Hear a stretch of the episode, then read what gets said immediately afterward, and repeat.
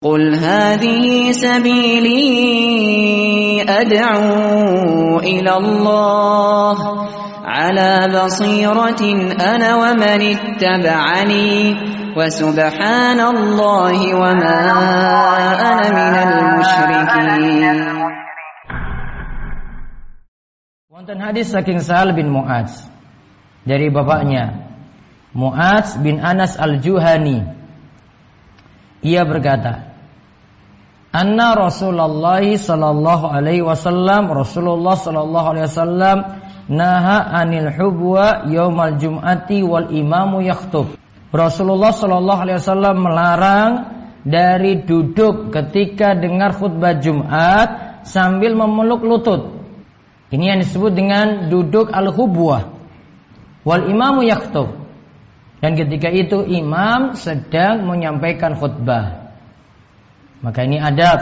Karena di antara bab yang dibawakan oleh Imam Nawawi dalam Riyadhus Shalihin karahatul ihtiba yaumal jum'ati wal imamu yaktub di annahu yajlibun nauma fayafutu istima'il khutbah wa yakhafu intiqadal wudu' dilarang duduk ihtiba ketika hari Jumat saat mendengar khutbah Jumat karena ketika itu dapat membuat orang itu tertidur sehingga luput saking mendengar khutbah Jumat. Dan akhirnya juga dikhawatirkan wudhunya jadi batal dikarenakan ketika itu tertidur. Juga Imam Nawawi menukil perkataan dalam kitabnya Al-Majmu'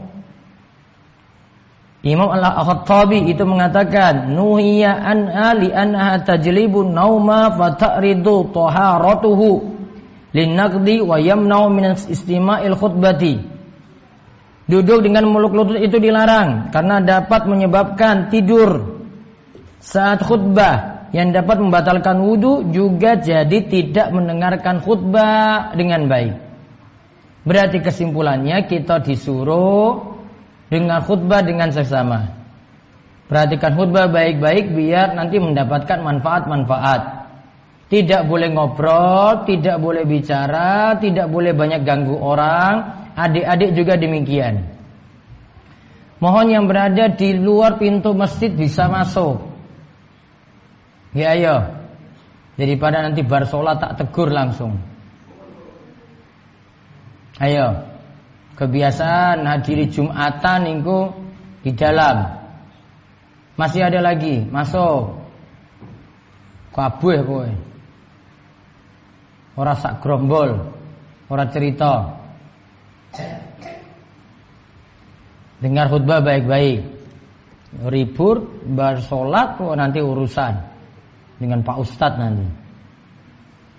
Baik, Jumat kali ini kita akan lihat di dalam kita beragama kita disuruh istiqomah.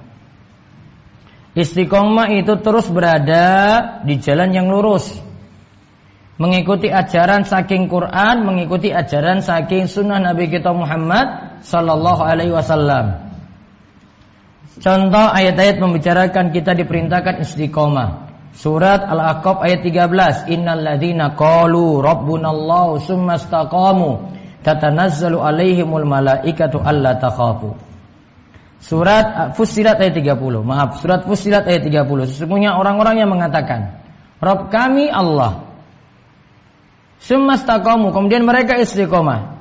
Maka malaikat akan turun di tengah-tengah mereka mengatakan janganlah khawatir, janganlah bersedih, dan gembirakanlah mereka dengan surga yang dijanjikan kepada mereka. Juga dalam surat Hud ayat 112, "Fastaqim kama umirta wa man taba ma'aka wa la tatghaw innahu bima ta'maluna basir." Maka tetaplah kamu pada jalan yang benar. Sebagaimana yang diperintahkan kepadamu. Dan juga orang yang telah taubat beserta kamu dan janganlah kamu melampaui batas. Sesungguhnya Allah Maha melihat apa yang kamu kerjakan. Maka kita di sini disuruh istiqomah, berada pada jalan yang lurus. Jalan yang menggapai ridha Allah kita ikuti. jalan yang ada tuntunan saking Quran, saking hadis kita ikuti jalan tadi. Juga saking hadis, saking Abu Amr, Sufyan bin Abdullah As-Saqafi radhiyallahu anhu ia berkata, "Qultu ya Rasulullah, kulli fil Islami qawlan la as'alu anu ahadan ghairak." Qal, "Qul amantu billahi sumastaqim." Aku berkata, "Wahai Rasulullah, katakanlah sebutkanlah ajaran Islam, syariat Islam yang nanti perkataan ini aku tidak akan tanyakan lagi selain engkau. Berarti ini penting sekali aku bertanya padamu wahai Rasulullah.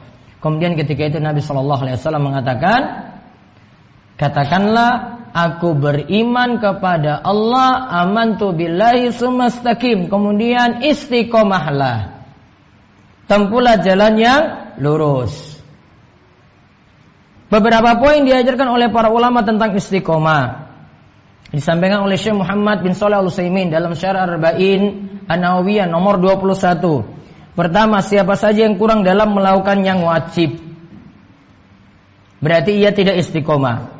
Semakin dikatakan menyimpang, ia semakin dikatakan menyimpang sekadar dengan wajib yang ditinggalkan atau keharaman yang dikerjakan. Berarti kita kalau jalankan perintah kita makin istiqomah. Jauhi larangan, kita juga makin istiqomah.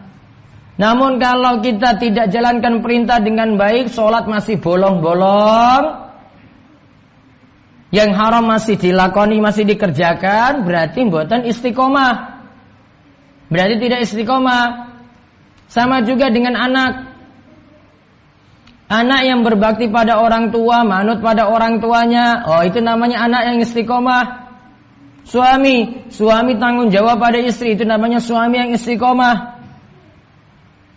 Istri jalankan kewajiban taat pada suami itu namanya istri yang istiqomah. Setiap yang jalankan perintah jauhi larangan itulah namanya orang-orang yang istiqomah. Sekarang tinggal kita koreksi diri. Apakah sudah istiqomah ataukah belum? Kalau memang kita istiqomah, bersyukurlah kepada Allah. Namun kalau kita tidak istiqomah, maka wajib bagi kita kembali kepada jalan Allah dan ingat istiqomah itu pada semua amal. Salat sering diundur-undur atau bolong-bolong, oh berarti tidak istiqomah. Wonten kemampuan zakat namun tidak bayar zakat, oh berarti tidak istiqomah. Dia malah suka menipu, mengelabui dalam jual beli, jatuhkan kehormatan orang lain. Wah itu berarti tidak istiqomah. Pokoknya jalankan perintah, jauhi larangan itulah orang-orang istiqomah. Lantas bagaimana cara biar kita bisa istiqomah? Ada tiga kiat penting. Yang pertama, cari teman bergaul yang soleh. Kumpul dengan teman-teman yang baik. Kalau anak-anak kumpul dengan anak-anak yang baik. Kalau jadi buruh, kumpul dengan buruh-buruh yang baik. Kalau jadi tetangga, kumpul dengan tetangga-tetangga yang baik. Karena Nabi Shallallahu Alaihi Wasallam mengatakan dalam hadis Abu Musa, Masalul jalisi soleh wal jalisi su kama sahibil misk wakiril haddad. Permisalan untuk pertemanan yang baik dan pertemanan yang buruk itu seperti seorang berteman dengan pemilik minyak wangi, minyak misek dan pandai besi. Kalau kita berteman, kata Nabi SAW, berteman itu dengan pandai besi, dengan pemilik minyak wangi, yang bawa minyak misik, minyak kasturi, maka jika kita tidak dihadiahi, kita minimal dapat bau wanginya. Sedangkan kalau berteman dengan pandai besi, kalau kita berteman dengannya, tidak mendapati badan kita hangus atau kita dapati badan kita hangus, kalau tidak, minimal kita dapat baunya yang tidak enak. Berarti tidak pernah dapat untung. Maka kalau berteman dengan orang yang baik, kita dapat contoh yang baik. Berteman dengan orang yang rusak, kita dapat contoh yang membuat kita juga jadi ikut rusak. Pemabuk bisa ikut mabuk terus karena punya teman-teman yang jelek. Maka kalau dia mau istiqomah gimana? Jauhi pergaulan yang jelek. Terus yang kedua, rajin hadiri majelis ilmu. Kalau kita rajin hadiri majelis ilmu, maka kita makin mudah istiqomah. Bahkan orang yang sejatinya tidak ikut ngaji, namun dia duduk di situ punya dosa banyak, bisa diampuni dosa-dosanya karena dia berada di majelis ilmu. Sebagaimana Nabi Shallallahu Alaihi Wasallam sebutkan, ya, malaikat ketika itu berkata, Rabbi fihim fulanun abdun khatta'un innama marra fajalasa ma'hum fayaqul walahu ghafartu humul qaumu la yashqa bihim jalisuhum. Wa Rabbu di kalangan mereka ada seorang hamba yang banyak sekali dosanya. Ia hanya melewati majelis tadi lalu ikut duduk bersama mereka. Lalu Allah pun berkata aku pun mengampuninya. Mereka adalah satu kaum yang tidak akan sengsara orang yang duduk bersama mereka. Berarti kalau duduk-duduk dengan orang soleh nanti punya pengaruh. Maka kalau kita berada di majelis ngaji, majelis ilmu kita juga akan mendapatkan ampunan dari dosa-dosa yang kita miliki. Terus yang ketiga memperbanyak doa kepada Allah. Seperti dalam surat Ali Imran ayat 8 disebutkan, "Rabbana la tuzigh qulubana ba'da iz hadaitana wa hab lana min ladunka rahmah innaka antal wahhab." Ya Rabb, kami janganlah Engkau jadikan hati kami condong kepada kesesatan setelah Engkau memberikan petunjuk kepada kami dan karuniakanlah kepada kami rahmat dari sisi Engkau karena sungguhnya Engkaulah Maha Pemberi karunia. Juga Nabi Shallallahu Alaihi Wasallam ajarkan doa, Allahumma musarrifal kulub, sarrif kulubana ala taatik. Ya Allah yang maha membolak balikan hati, balikanlah hati kami untuk taat kepadamu. Dalam hadis disebutkan bahwasanya karena hati manusia itu antara jari jemari ar-Rahman. Dibolak balikan oleh Allah sekehendak Allah. Dan dalam doa tadi kita ambil pelajaran kalimat Allah taatik itu maksudnya kita minta pada Allah ditunjuk, diberi petunjuk untuk ibadah terus. Sudah selesai satu ibadah, tetap pada ibadah yang lainnya lagi. Selesai ibadah yang lainnya, tetap pada ibadah terus. Maka berputar amalannya seperti itu terus.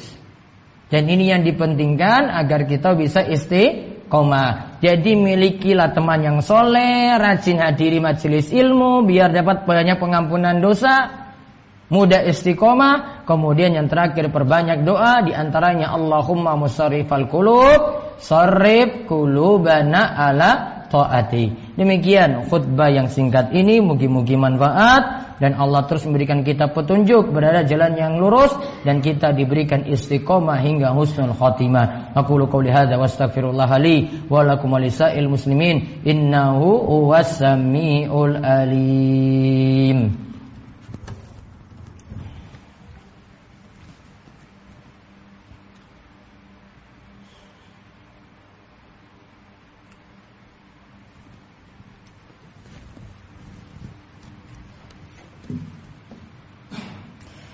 Alhamdulillahi Rabbil Alamin Wassalatu wassalamu ala ashrafil anbiya'i wal mursalin Nabiina Muhammadin wa ala alihi wa sahbihi ajmain Amma ba'du Faya ayuhan nas Ittaqullaha ta'ala Wa dharul fawahisha ma dhahara minha wa ma batan Wa hafizu ala ta'ati wa huduril jumu'ati wal jama'ah Wa alamu anna Allah amarakum bi amri bada' fihi bi nafsi wa sanna bi malaikati qudsihi faqala ta'ala wa lam yazal qailan aliman innallaha wa malaikatahu yusalluna 'alan nabi ya ayyuhalladzina amanu sallu 'alaihi wa sallimu taslima Allahumma salli ala Muhammad wa ala ali Muhammad kama sallaita ala Ibrahim wa ala ali Ibrahim innaka Hamidun Majid Allahumma barik ala Muhammad wa ala ali Muhammad kama barakta ala